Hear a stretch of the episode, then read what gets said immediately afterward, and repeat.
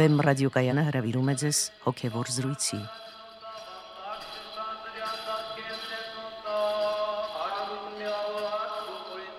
Սիրելի ունկնդիրներ, Վեմ ռադիոկայանի եթերում են արժանապատիվ Տեր Մեսրոպ Քահանա Արամյանը եւ Արա Սարգսակ Նալչաջյանը։ Այսօր կզրուցենք օպտիմիզմի, լավատեսության մասին։ Օրհնեցեք Տեր հայր։ Աստված օրհնի։ Տեր հայր, առհասարակ լավատեսությունը դրական բան է համարվել միշտ էլ մարդկային հասարակության մեջ եւ մարդկային մտածելակերպին բնորոշ մի երևույթ է։ Սակայն տարբեր ժամանակներում այն կարող է լինել առավել կամ պակաս։ Արդյոք այսօր մարդիկ ունեն այդ լավատեսությունը։ Ահա մեր թղթակից Նոեմի Անդրեասյանի զրույցը մարդկանց հետ այս մասին։ Դուք լավատես եք։ Այո, Ինչու՞։ որովհետև միշտ պետք է հավատալ լավին, որ պրոգրես լինի եւ ընդհանրապես մեր լավատեսության վրա է աշխարհի հիմնված։ Դուք լավատես եք։ Նայած հարցերում, բոլոր հարցերում չես կարող լավատես լինես։ Կան հարցեր, որոնց ռեալ ես մոտենում եւ այդքան էլ լավատեսական չեն։ Ինչու՞։ Ելնելով իրական վիճակից, դե որ լավատես չլինենք չենք ապրի։ Կյանքում եթե մարդ ապրում է, պետք է լավատես լինի։ Բայց կան պահեր, որ մարդ հիասթափվում է, հուսախապա լինում։ Բայց դե վերջին հաշվով, եթե ապրում ես, պետք է լավատես լինես։ Դուք լավատես եք։ Այո, Ինչու՞։ ես եմ լավատես եմ։ բայց Դուք լավատես եք։ Այո, ես լավատես եմ, բայց օգուտ չունի։ Ինչու՞։ Որտեվ վատ վիճակի մեջ է Հայաստանն ապրում։ Ոնց կլի, որ լավը լի։ 90%-ը, 80%-ը լավատես են, բայց վիճակները վատ աղջիկ ջան։ Դուք լավատես եք։ Այո, Ինչու՞։ ինչ առումով եմ լավատես։ Կյանքին վերաբերյալ։ Լավատես եմ, բարի եմ։ Այսինքն սպասում եք ավելի լավի։ Այո, լավատես եք։ Այո, Ինչու՞։ որտեղ լավատեսը ավելի հանգիստ է մարդու կյանքը դարձնում, քան թե վատատես լինելը։ Դա միանշանակ։ Ինչպես տեսանք դերեր, ընդհանուր առմամբ լավատեսության գաղափարի նկատմամբ հարցվողների վերաբերմունքը դրական էր եւ մարդիկ դա նաեւ իրենց էին վերագրում, բայց որոշ հարցվողների պատասխանների բուն էությունից այդ լավատեսությունը կարելի ասել դերևս չէր զգացվում։ Խնդրեմ ձեր նկատառումները սրա վերաբերյալ։ Գիտեք, լավատեսություն հասկացողությունը ինքը այնքան էլ մաքուր հասկացողություն չէ կրոնագիտական տեսանկյունից։ Եվ ասենք օրինակ կրոնական տեսանկյունից կարելի է հարցը այլ կերպով դնել։ Արդյոք դուք հույս ունեք ապագայի նկատմամբ։ Այ հույսը արդեն լուրջ հասկացողություն է։ Արդյոք դուք այսպես ուրախությամբ եք առաջ գնում, թե ավելի տխրություն է ձեզ մեջ տիրում։ Այսպիսի հարցումներ կարելի է դնել, որովհետև լավատեսությունը պետք է զանազանել, թե ինչի վրա է հիմնված որտեվ մի կողմից լավատեսությունը կարող է հիմնված լինել մարդու հավատքի վրա, մարդու փրկության հույսի վրա, Աստծո հետ միավորվելու այդ վերջնական հաղթանակի վրա կարող է մարդու լավատեսությունը հիմնված լինել եւ դա լուրջ լավատեսություն է այսինքն լավ է որ մարդը այդպիսի լավատեսություն իր մեջ ունենա բայց մյուս կողմից լավատեսությունը կարող է հիմնված լինել բավականին դատարկ բաների վրա եւ նույնիսկ լրիվ անհիմն լինել Այսինքն օրինակ մարդը կարող է լավատես լինել, բայց ինչ որ բանի նկատմամբ, որը ճիշտ հակառակ կերպով կարող է տեղի ունենալ։ Օրինակ, հрьяաների մեծ մասը Երեմիայի մարգարի օրոք շատ լավատես էին, որ Աստված պիտի իրենց ճշնամիներին ոչնչացնի եւ այլն, եւ կային լիքը կեղծ մարգարեներ, որոնք լավատեսական մարգարեություններ էին ունենում։ Բայց կար մի մարդ, Երեմիա մարգարեն, որը շատ վատատեսական, եթե կարելի այսպես ասել, մարգարեություն էր ունենում եւ ասում էր, որ լավ չի լինելու վերջը եւ դուք պատժվելու եք եւ նրան նույնիսկ այդպիսի մարգարեություններ անելու համար գուբի մեջ նետեցին, բանտարկեցին, որովհետեւ նրա մարգարեությունը ճիշտ հակառակն էր այն տրամադրությունների, որ այդ օրը կար Իսրայելում։ Ուզում եմ ասել, որ տեսեք մարդիկ կարող են տոգորված լինել փուչ լավատեսությամբ։ Իհարկե դա որոշակի ժամանակահատվածի համար ստեղծում է որոշակի հոգեբանական վիճակ մարդու մոտ։ Մարդը իրեն, այսպես ասած, լավ է զգում կամ կեղծ խապկանքի մեջ է ընկնում, բայց հետո կանգնում է դառը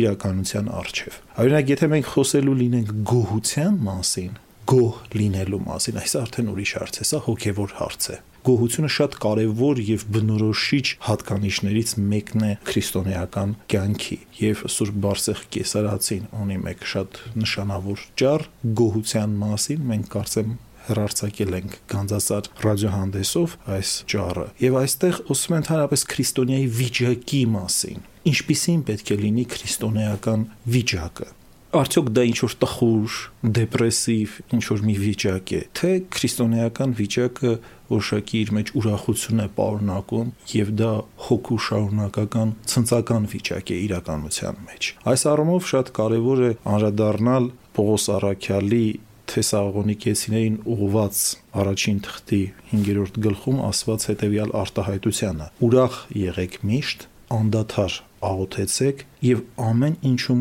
գոհություն մատուցեցեք, որովհետեւ այդ է Աստծո կամքը ձեզ համար ի Քրիստոս Հիսուս։ Այս մեկ նախադասության մեջ Պողոս Արաքյալը ըստ էության նկարագրում է քրիստոնեական կյանքի էությունը, ինչպիսին պետք է լինի քրիստոնեական կյանքը, եւ ինչպես տեսնում ենք Պողոս Արաքյալն ասում է ուրախ եղեք միշտ, բայց այդ միշտ ուրախությունը կապված է անընդհատ աղոթքի հետ, եւ անընդհատ աղոթքի մեջ էլ երբ որ մարդը հարատևում է, ինքը անդադար գոհանում է Աստծուց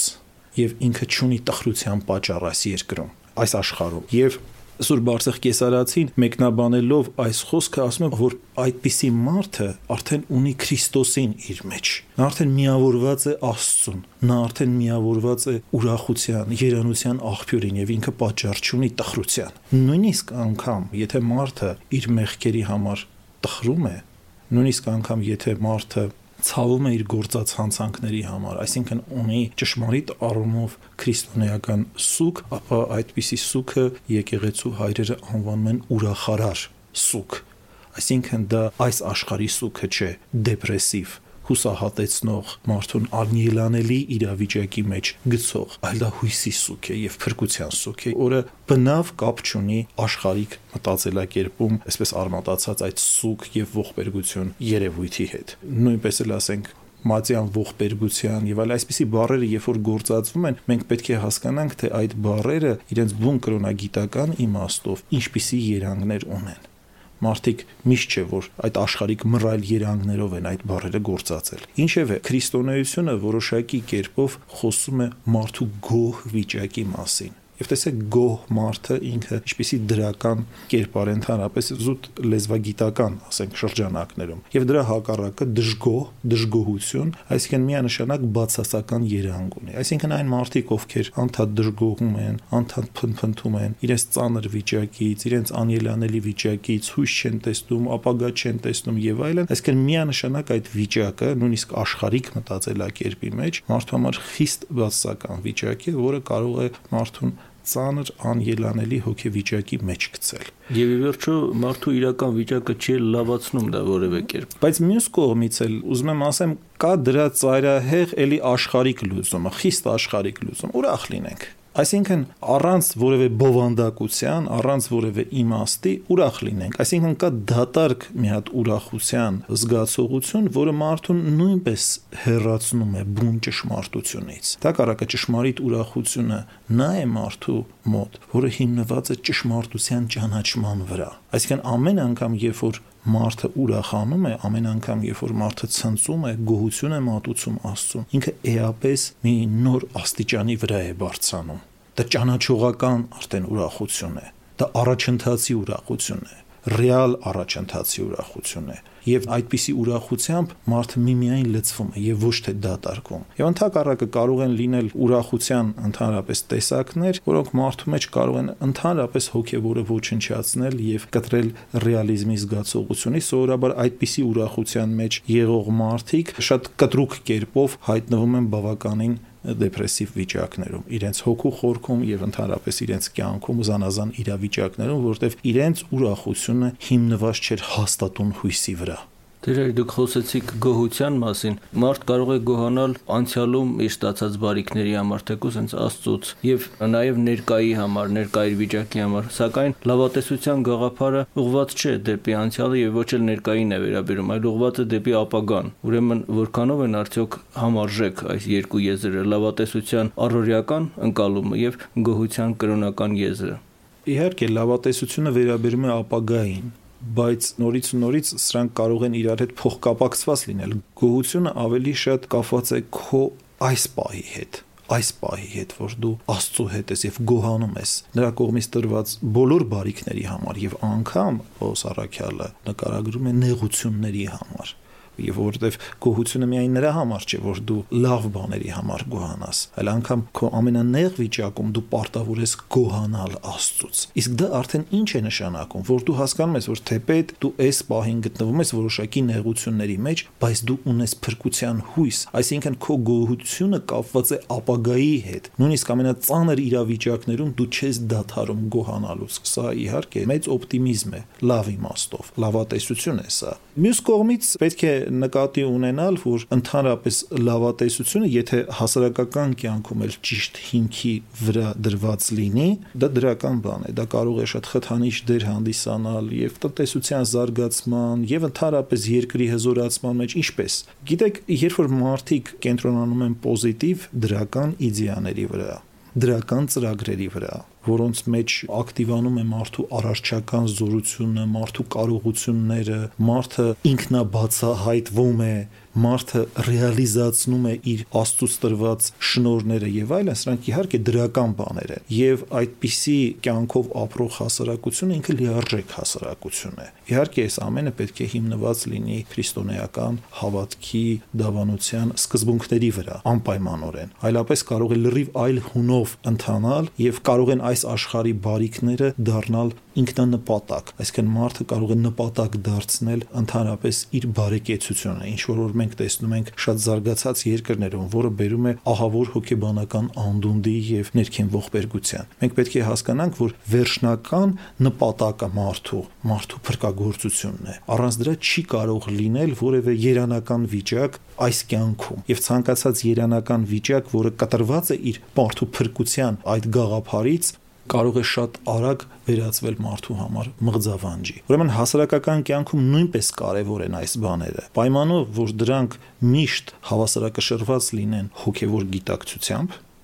այսինքն հոգևոր գիտակցությունը պետք է զուգահեռ քայլի հասարակական կյանքում գործող, այսպես օպտիմիստիկ երևույթների հետ եւ մյուս կողմից էլ այդ օպտիմիզմը, այսպես ասած, պետք է հիմնված լինի ռեալ գործերով ոչ թե այսպես ասած թախտի վրա պարկելով եւ ասելով որ ամեն բան լավա լինելու մեկա այսինքն դա արդեն կապ չունի այն լուրջ օպտիմիզմի հետ որի մասին որ մենք խոսում ենք Դեր խնդիրը դիտարկելով հասարակական մասշտաբով դուք խոսեցիք օպտիմիզմի քրիստոնեական հիմքի մասին այդ դեպքում ինչպես բացատրել այլ կրոն ունեցող ժողովուրդների, նույնիսկ աթեիստների մեջ օպտիմիզմի հանդեպ այդպիսի դրական տրամադրվածություն եւ գնահատականը։ Գիտեք, մենք խոսում ենք բոլոր բաները փորձում ենք համադրել քրիստոնեությանը ինչ առումով, որ մենք փորձում ենք տալ լավագույն լուծումները, ասենք հասարակության զարգացման։ Իհարկե հնարավոր են ոչ այդքան լավ լուծումներ եւ նույնիսկ բացասական լուծումներ։ Այսինքն օրինակ կոմունիստական հասարակությունը շատ օպտիմիստական հասարակություն էր օրինակ։ Իրանք մարդկության պայծառ ապագայի նկատմամբ շատ մեծ հավատք ունեին եւ կառուցում էին այդ պայծառ ապագան, որը ահավոր մի բանի բերեց հանգեցրեց, այսինքն ուղակի դրեցին տասնյակ միլիոններով մարդկանց ուղղակի կոտորեցին, սիրելով մարդկանց պայծառ ապագան։ Ես ուզում եմ պարզապես ցույց տալ դրա ծայրահեղությունը, որ ոչ հոգևոր մերձեցումը ինչի կարող է բերել հանգեցնել։ Եվ եթե այսպես մենք նայենք այդ սովետական շրջանի ամբողջ քարոշչությանը, ես այդ ժամանակաշրջանում ապրել եմ, հիշում եմ։ Դա ամբողջությամբ պետական մի մեքենա էր, որը քարոզում էր մի հատ օպտիմիզմ, մարդկության պայծառ ապագա քարոզող մի մեքենա էր։ Բայց մենք տեսանք, թե դա ինչով ավարտվեց։ Ուրեմն դրանից մենք պետք է դասեր քաղենք։ Այսինքն օպտիմիզմը պետք է հիմնված լինի ռեալիզմի ճիշտ գիտակցման վրա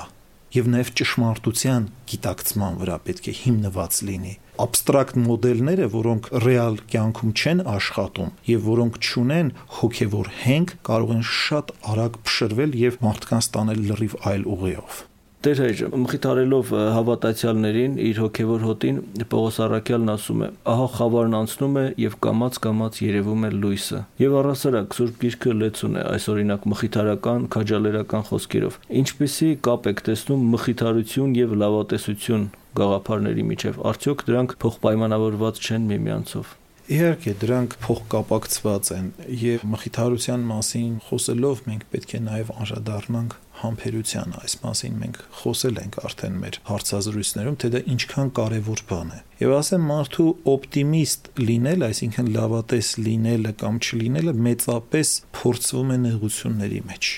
Իսկն համբերությունն է իրականության մեջ մարդու մոտ գլխավոր ցուցանիշը, թե այդ մարդը ինչպես է նայում իր ապագայի վրա կամ ինչ սկզբունքների վրա է կառուցում իր ապագան։ Եվ մենք ասացինք, որ համբերությունը դա մի տեսակ համեմիջ աղն է բոլոր առաքինությունների առանց դրա հնարավոր չէ պատկերացնել ընդհանրապես որևէ առաքինության իրականացում եւ այդ նեղությունների մեջ համբերելով է, որ մարդու մոտ ծնվում է ճշմարիտ հույսը կամ հաստատվում է ճշմարիտ հույսը, այդպես է ուսուցանում Պողոս Արաքյալը հռոմեացիներին ուղված թղթում։ Ուրեմն շատ կարևոր է, որ մարդը կարողանա պահպանել իր հոգու ճիշտ կեցվածքը նեղությունների մեջ, փորձությունների մեջ։ Եվ եթե մարդը իսկապես կարողանա այդ փորձությունների մեջ ճշմարտապես գոհանալ, գոհություն մատուցել Աստծուն, այս արդեն շատ բարձր հոգեվիճակ է։ Եվ մենք պետք է հասկանանք, որ կյանքում այդ նեղությունները լինում են փոքր ավելի, քան մենք սպասում ենք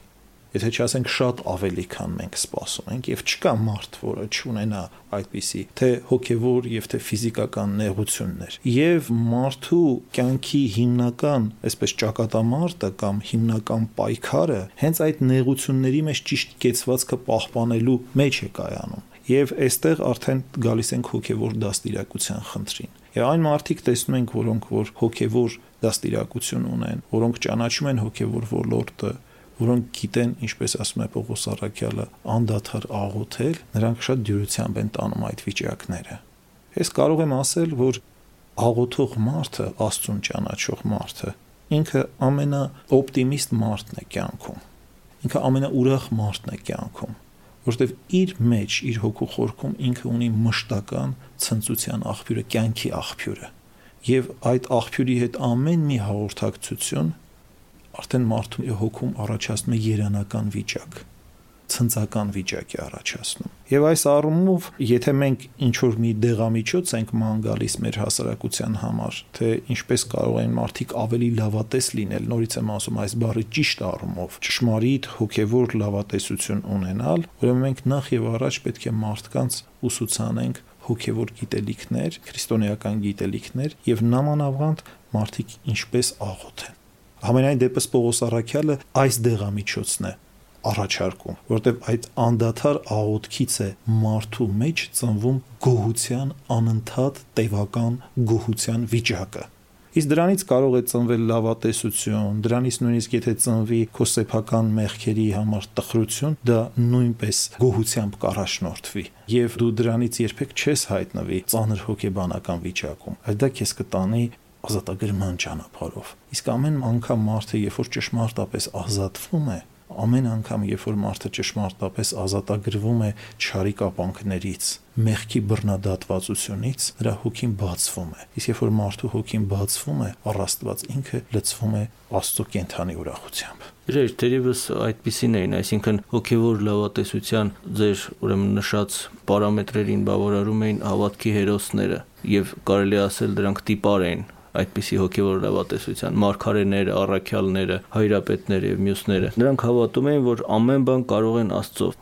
Աստծո զորությամբ, ինչպես Սուրբ գրքում գրված է, թե ինչ որ անհնար է մարդկանց համար հնարավոր է Աստծո համար։ Եվ իսկապես ռեալ կյանքում իրականացնում էին այն մեծագործությունները, որոնց փափագը Աստված դնում էր նրանց սրտում եւ առաջնորդում ու կատարում էր իր զորությամբ։ Ուրեմն արդյոք լավատես չլինելը չի նշանակում հավատքի տկարություն եւ հուսահատության ինչ որ երանգ չէ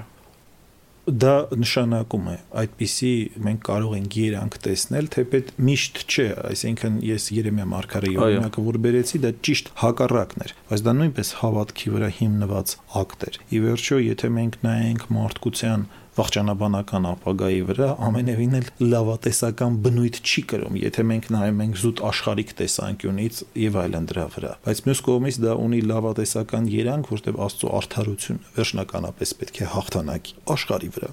Եվ իդեպ դեր Երեմիայի մարգարեության մեջ այդ նրա արտահայտած այսպես կոչված հորետեսությունը իրականում իմ կարծիքով լավատեսություն էր, քանի որ նա ասում էր, եթե ուրեմն հնազանդվեք Նաբուգոդոնոսոր արքային, ապա Իսրայելի մնացորդը կփրկվի, այսինքն ռեալ բազմահազար մարդկանց մի բազմություն նա փրկության էր առաջնորդում։ Եվ այն, որ պետք է լավատեսությունը հիմնված լինի հավատքի վրա, ամուր անսասան հավատքի վրա, սա միանշանակ է։ Ինչ է նշանակում լավատեսություն առանց հավատքի։ Դա կլինի քամու բերանը ընկած, այսպես մի տերևի պատմություն, քամին որ կողմը քշի, այն կողմն էլ գնալու ես։ Բայց եթե դու կանգնած ես հավատքի անսասան վեմի վրա, եւ հավատում ես, որ Աստված ամենակարող է, այսինքն չկա անլուծելի բան Աստծո համար։ Ուրեմն դու ճշմարտապես լավատես ես։ Այսինքն Աստված կարող է ամեն բան տալ քեզ, բայց Աստված տալիս է ժամանակին։ Ուրեմն դու պետք է համբերություն ունենաս բայց դու պետք է հավատաս, որ այն ինչ որ հավատքով Աստծուց խնդրես, դու պիտի ստանաս եւ ունենաս համբերություն, որտեղ միշտ չէ, որ քո խնդրածը օգտակար է քեզ համար եւ Տերը ինքը գիտի թե որն է առավել օգտակարը քեզ համար նույնիսկ այն ինչ որ դու Աստծուց այս պահին խնդրում ես եւ անմիջապես եթե ստանաս դու կարող ես տխրել որովհետեւ դու կտեսնես որ դու այն չեր ինչ որ որ խնդրում էիր այսինքն դու այլ կերպ էիր պատկերացնում քո խնդրածը իսկ Աստված սրտագետ է ինքը տալիս է ամեն բան ճիշտ ժամանակին։ Ուրեմն լավատեսությունը պետք է հիմնված լինի ամուր եւ անսասան հավատքի վրա։ Սա է հիմքը լավատեսության մնացած տիպի լավատեսությունները իրենք հոգևոր բնույթ չունեն բայց թերևս կարող են որոշակի դրական դեր, ասենք մարդու համար խաղալ, որտեվ ի վերջո լավատեսությունը, ինչպես էլ ուզում ենք այս խնդրին մոտենալ, ինքը ավելի դրական բան է, քան հորետեսությունը, որտեվ հորետեսությունը նույնիսկ որպես բառ արդեն ինքը բացական բառ է ինչպես գոհությունը դրական բառ է, ասում են գոհ մարդ, նույնիսկ աշխարհիկ առումով դա դրական է, գոհ մարդ լինելը եւ դժգոհը բացական երանք պարունակող բառը, այնպես էլ լավատեսություն եւ հողրետեսություն։ Բայց եթե մենք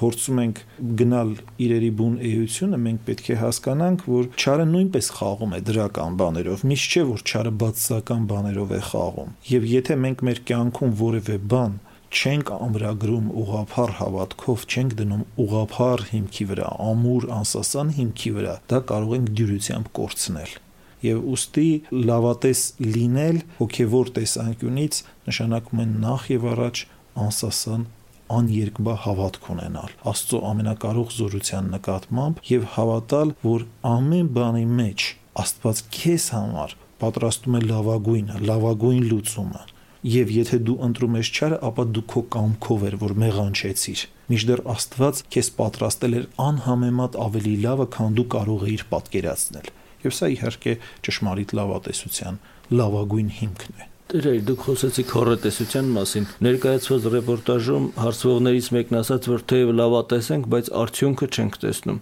Եվ իսկապես միշտ չէ, որ մեր լավատեսական, այսպես ասած, առերական, աշխարհիկ ընկալմամբ օպտիմիստական նկատառումները իրականանում են։ Աստված միգուցե այլ բան է պատրաստել մեզ համար։ Արդյոք վտանգ չկա, որ լավատեսության հարցում կարող ենք ուրեմն ընկնել չարթարացված չափազանցությունների մեջ եւ դուժել իսկապես իրականում։ Անշուշտ կարող ենք, եթե մենք լրիվ աշխարհիկացնենք այդ հասկացողությունը եւ փորձենք աշխարհիկ ձևերով մոտենալ, ապա կարող ենք մենք կանգնել լուրջ խնդիրների առջև։ Նամանավանդ, երբ որ այդ լավատեսությունը ոչ միայն հոգեվոր հիմք չունի, այլև պայմանավորված չէ քիչ թե շատ ճշգրիտ, այսպես կասեի, հետազոտությունների կամ համատեղ աշխատանքի կամ ծրագրերի հետ։ Գիտեք, լավատեսություն կա, որ ծնվում է լավ աշխատանքից, օրինակ, ես դեռ հոգեվորի մասին չեմ խոսում։ Ասենք օրինակ դու կարող ես լավ գիտական մշակումներ ունենալ եւ ինչ որ մի փորձ դնել ահագին չարչարվես դրա վրա եւ կարող ես հույս ունենալ, որ քո այս փորձը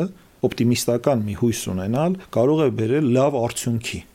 Բայց դա ռեալ աշխատանքի վրա հիմնված ինչ որ մի բան էր եւ ոչ թե այսինքն այսպես տանը նստես եւ ասես որ առանց այդ փորձերի եւ այլն ես շատ լավատես եմ ես մի անգամից դաշտի տեսության հավասարումները կգրեմ կամ ինչ որ չգիտեմ աշխարհի ամենամեծ հայտնագործությունները կանեմ այնպես որ այդ լավատեսությունն էլ պետք է հիմնված լինի լուրջ աշխատանքի վրա ռացիոնալիստական հիմք պետք է ունենա այս եթե մենք ասենք այսօր չունենք մեր հասարակական կյանքում քիչ թե շատ լավատեսություն, պատճառը այն է, որ մենք երբեք որպես հասարակություն մենք հայերս չենք նստել եւ միասին չենք աշխատել մեր ապագայի վրա։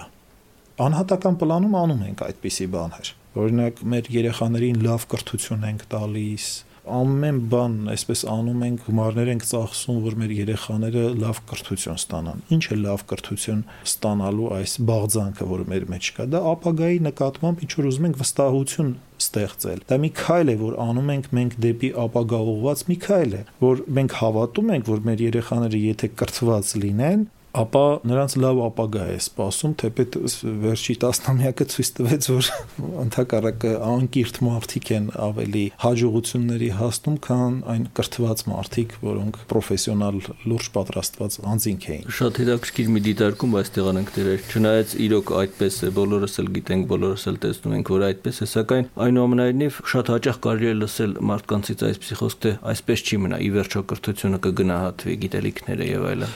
Ուրեմն օպտիմիզմ է դարձյալ։ Նշանակում է մենք ունենք որոշակի հավատք, որ այդ կրթությունը ինչ որ բան է տալու մեր երեխաներին բայց մենք հասարակական կրթության մեջ, հասարակական շահի ինքնագիտակցման այս պահի մեջ ունենք շատ լուրջ խնդիրներ շատ լուրջ։ Այսինքն անհատական պլանում մենք կարող ենք իսկապես այդպեսի ինքնազոհողությունների գնալ, ծրագրեր ունենալ ապագայի նկատմամբ, բայց միայն մեր անհատական ընտանեկան շրջանակներում Իսկն հայերը իրենք որպես ժողովուրդ դեռ չեն սովորել ապագայի մասին մտածել եւ ունենալ քիչ թե շատ լուրջ ծրագրեր, որոնք որ կիսում են միմյանց հետ։ Այսինքն որ բոլոր մարդիկ մտածում են դրա մասին, ինչի իրենք պետք է հասնեն որպես ժողովուրդ, այսքան տարի հետո կամ որն է մեր բուն զարգացման ուղին եւ այլ մենք չունենք այսպիսի բաներ եւ հոգեբանորեն էլ չենք սովորել։ Մենք անդադ սիրում ենք մեր պատմությունը հիշել, պատմության դրվագները, տխուր երգեր երգել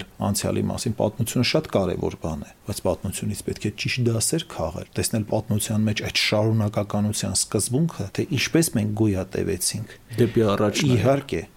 Եվ եթե ճիշտ նայենք մեր պատմության վրա եւ տեսնեինք թե մենք ինչպես գոյատևեցինք, մենք կհասկանայինք, որ դրա հիմքում նույնպես դրված էր հավատքը Ուրեմն ճշմարիտ շարունակականությունը ապահովելու համար մենք կարիք ունենք ամուր քրիստոնեական հավատքի, որը այսօր այդքան էլ չի զգացվում մեր ժողովրդի մեջ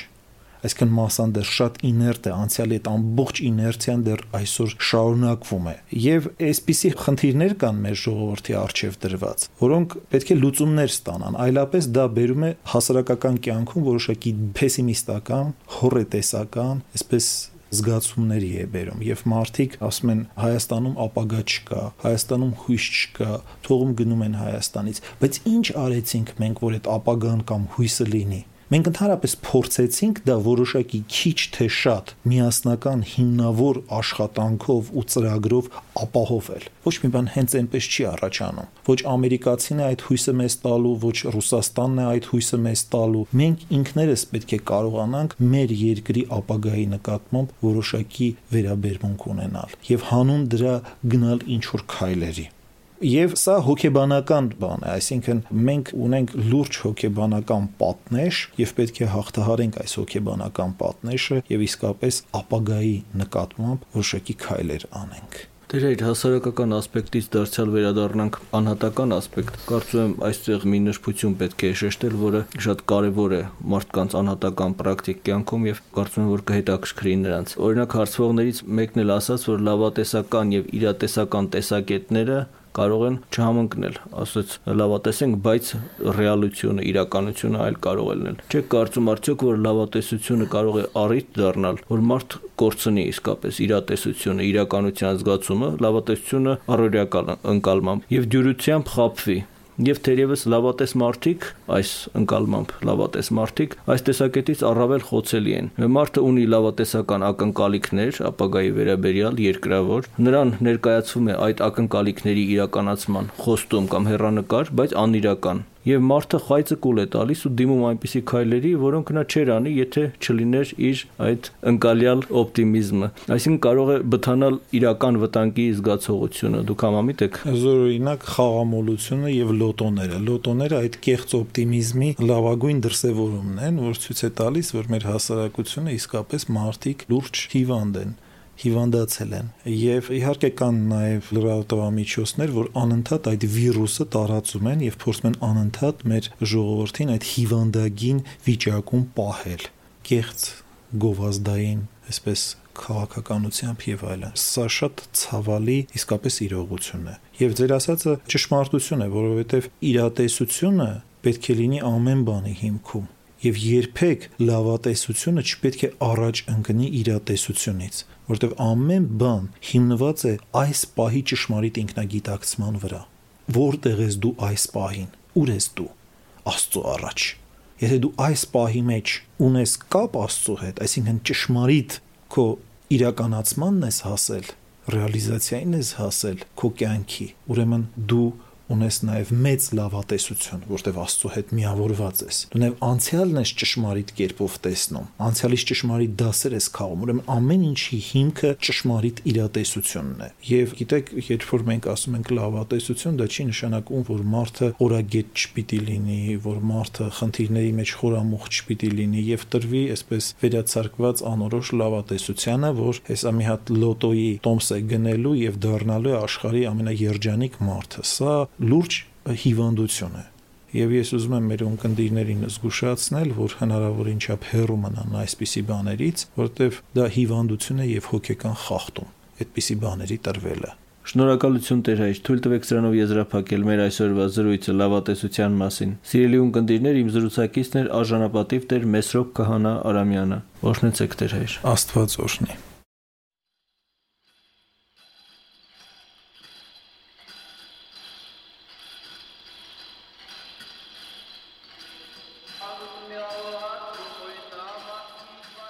Հոգևոր զրույցներ հաղորդաշարի հերթական հաղորդումը վարեց Արաս Սարգսակ Նալչաջյանը։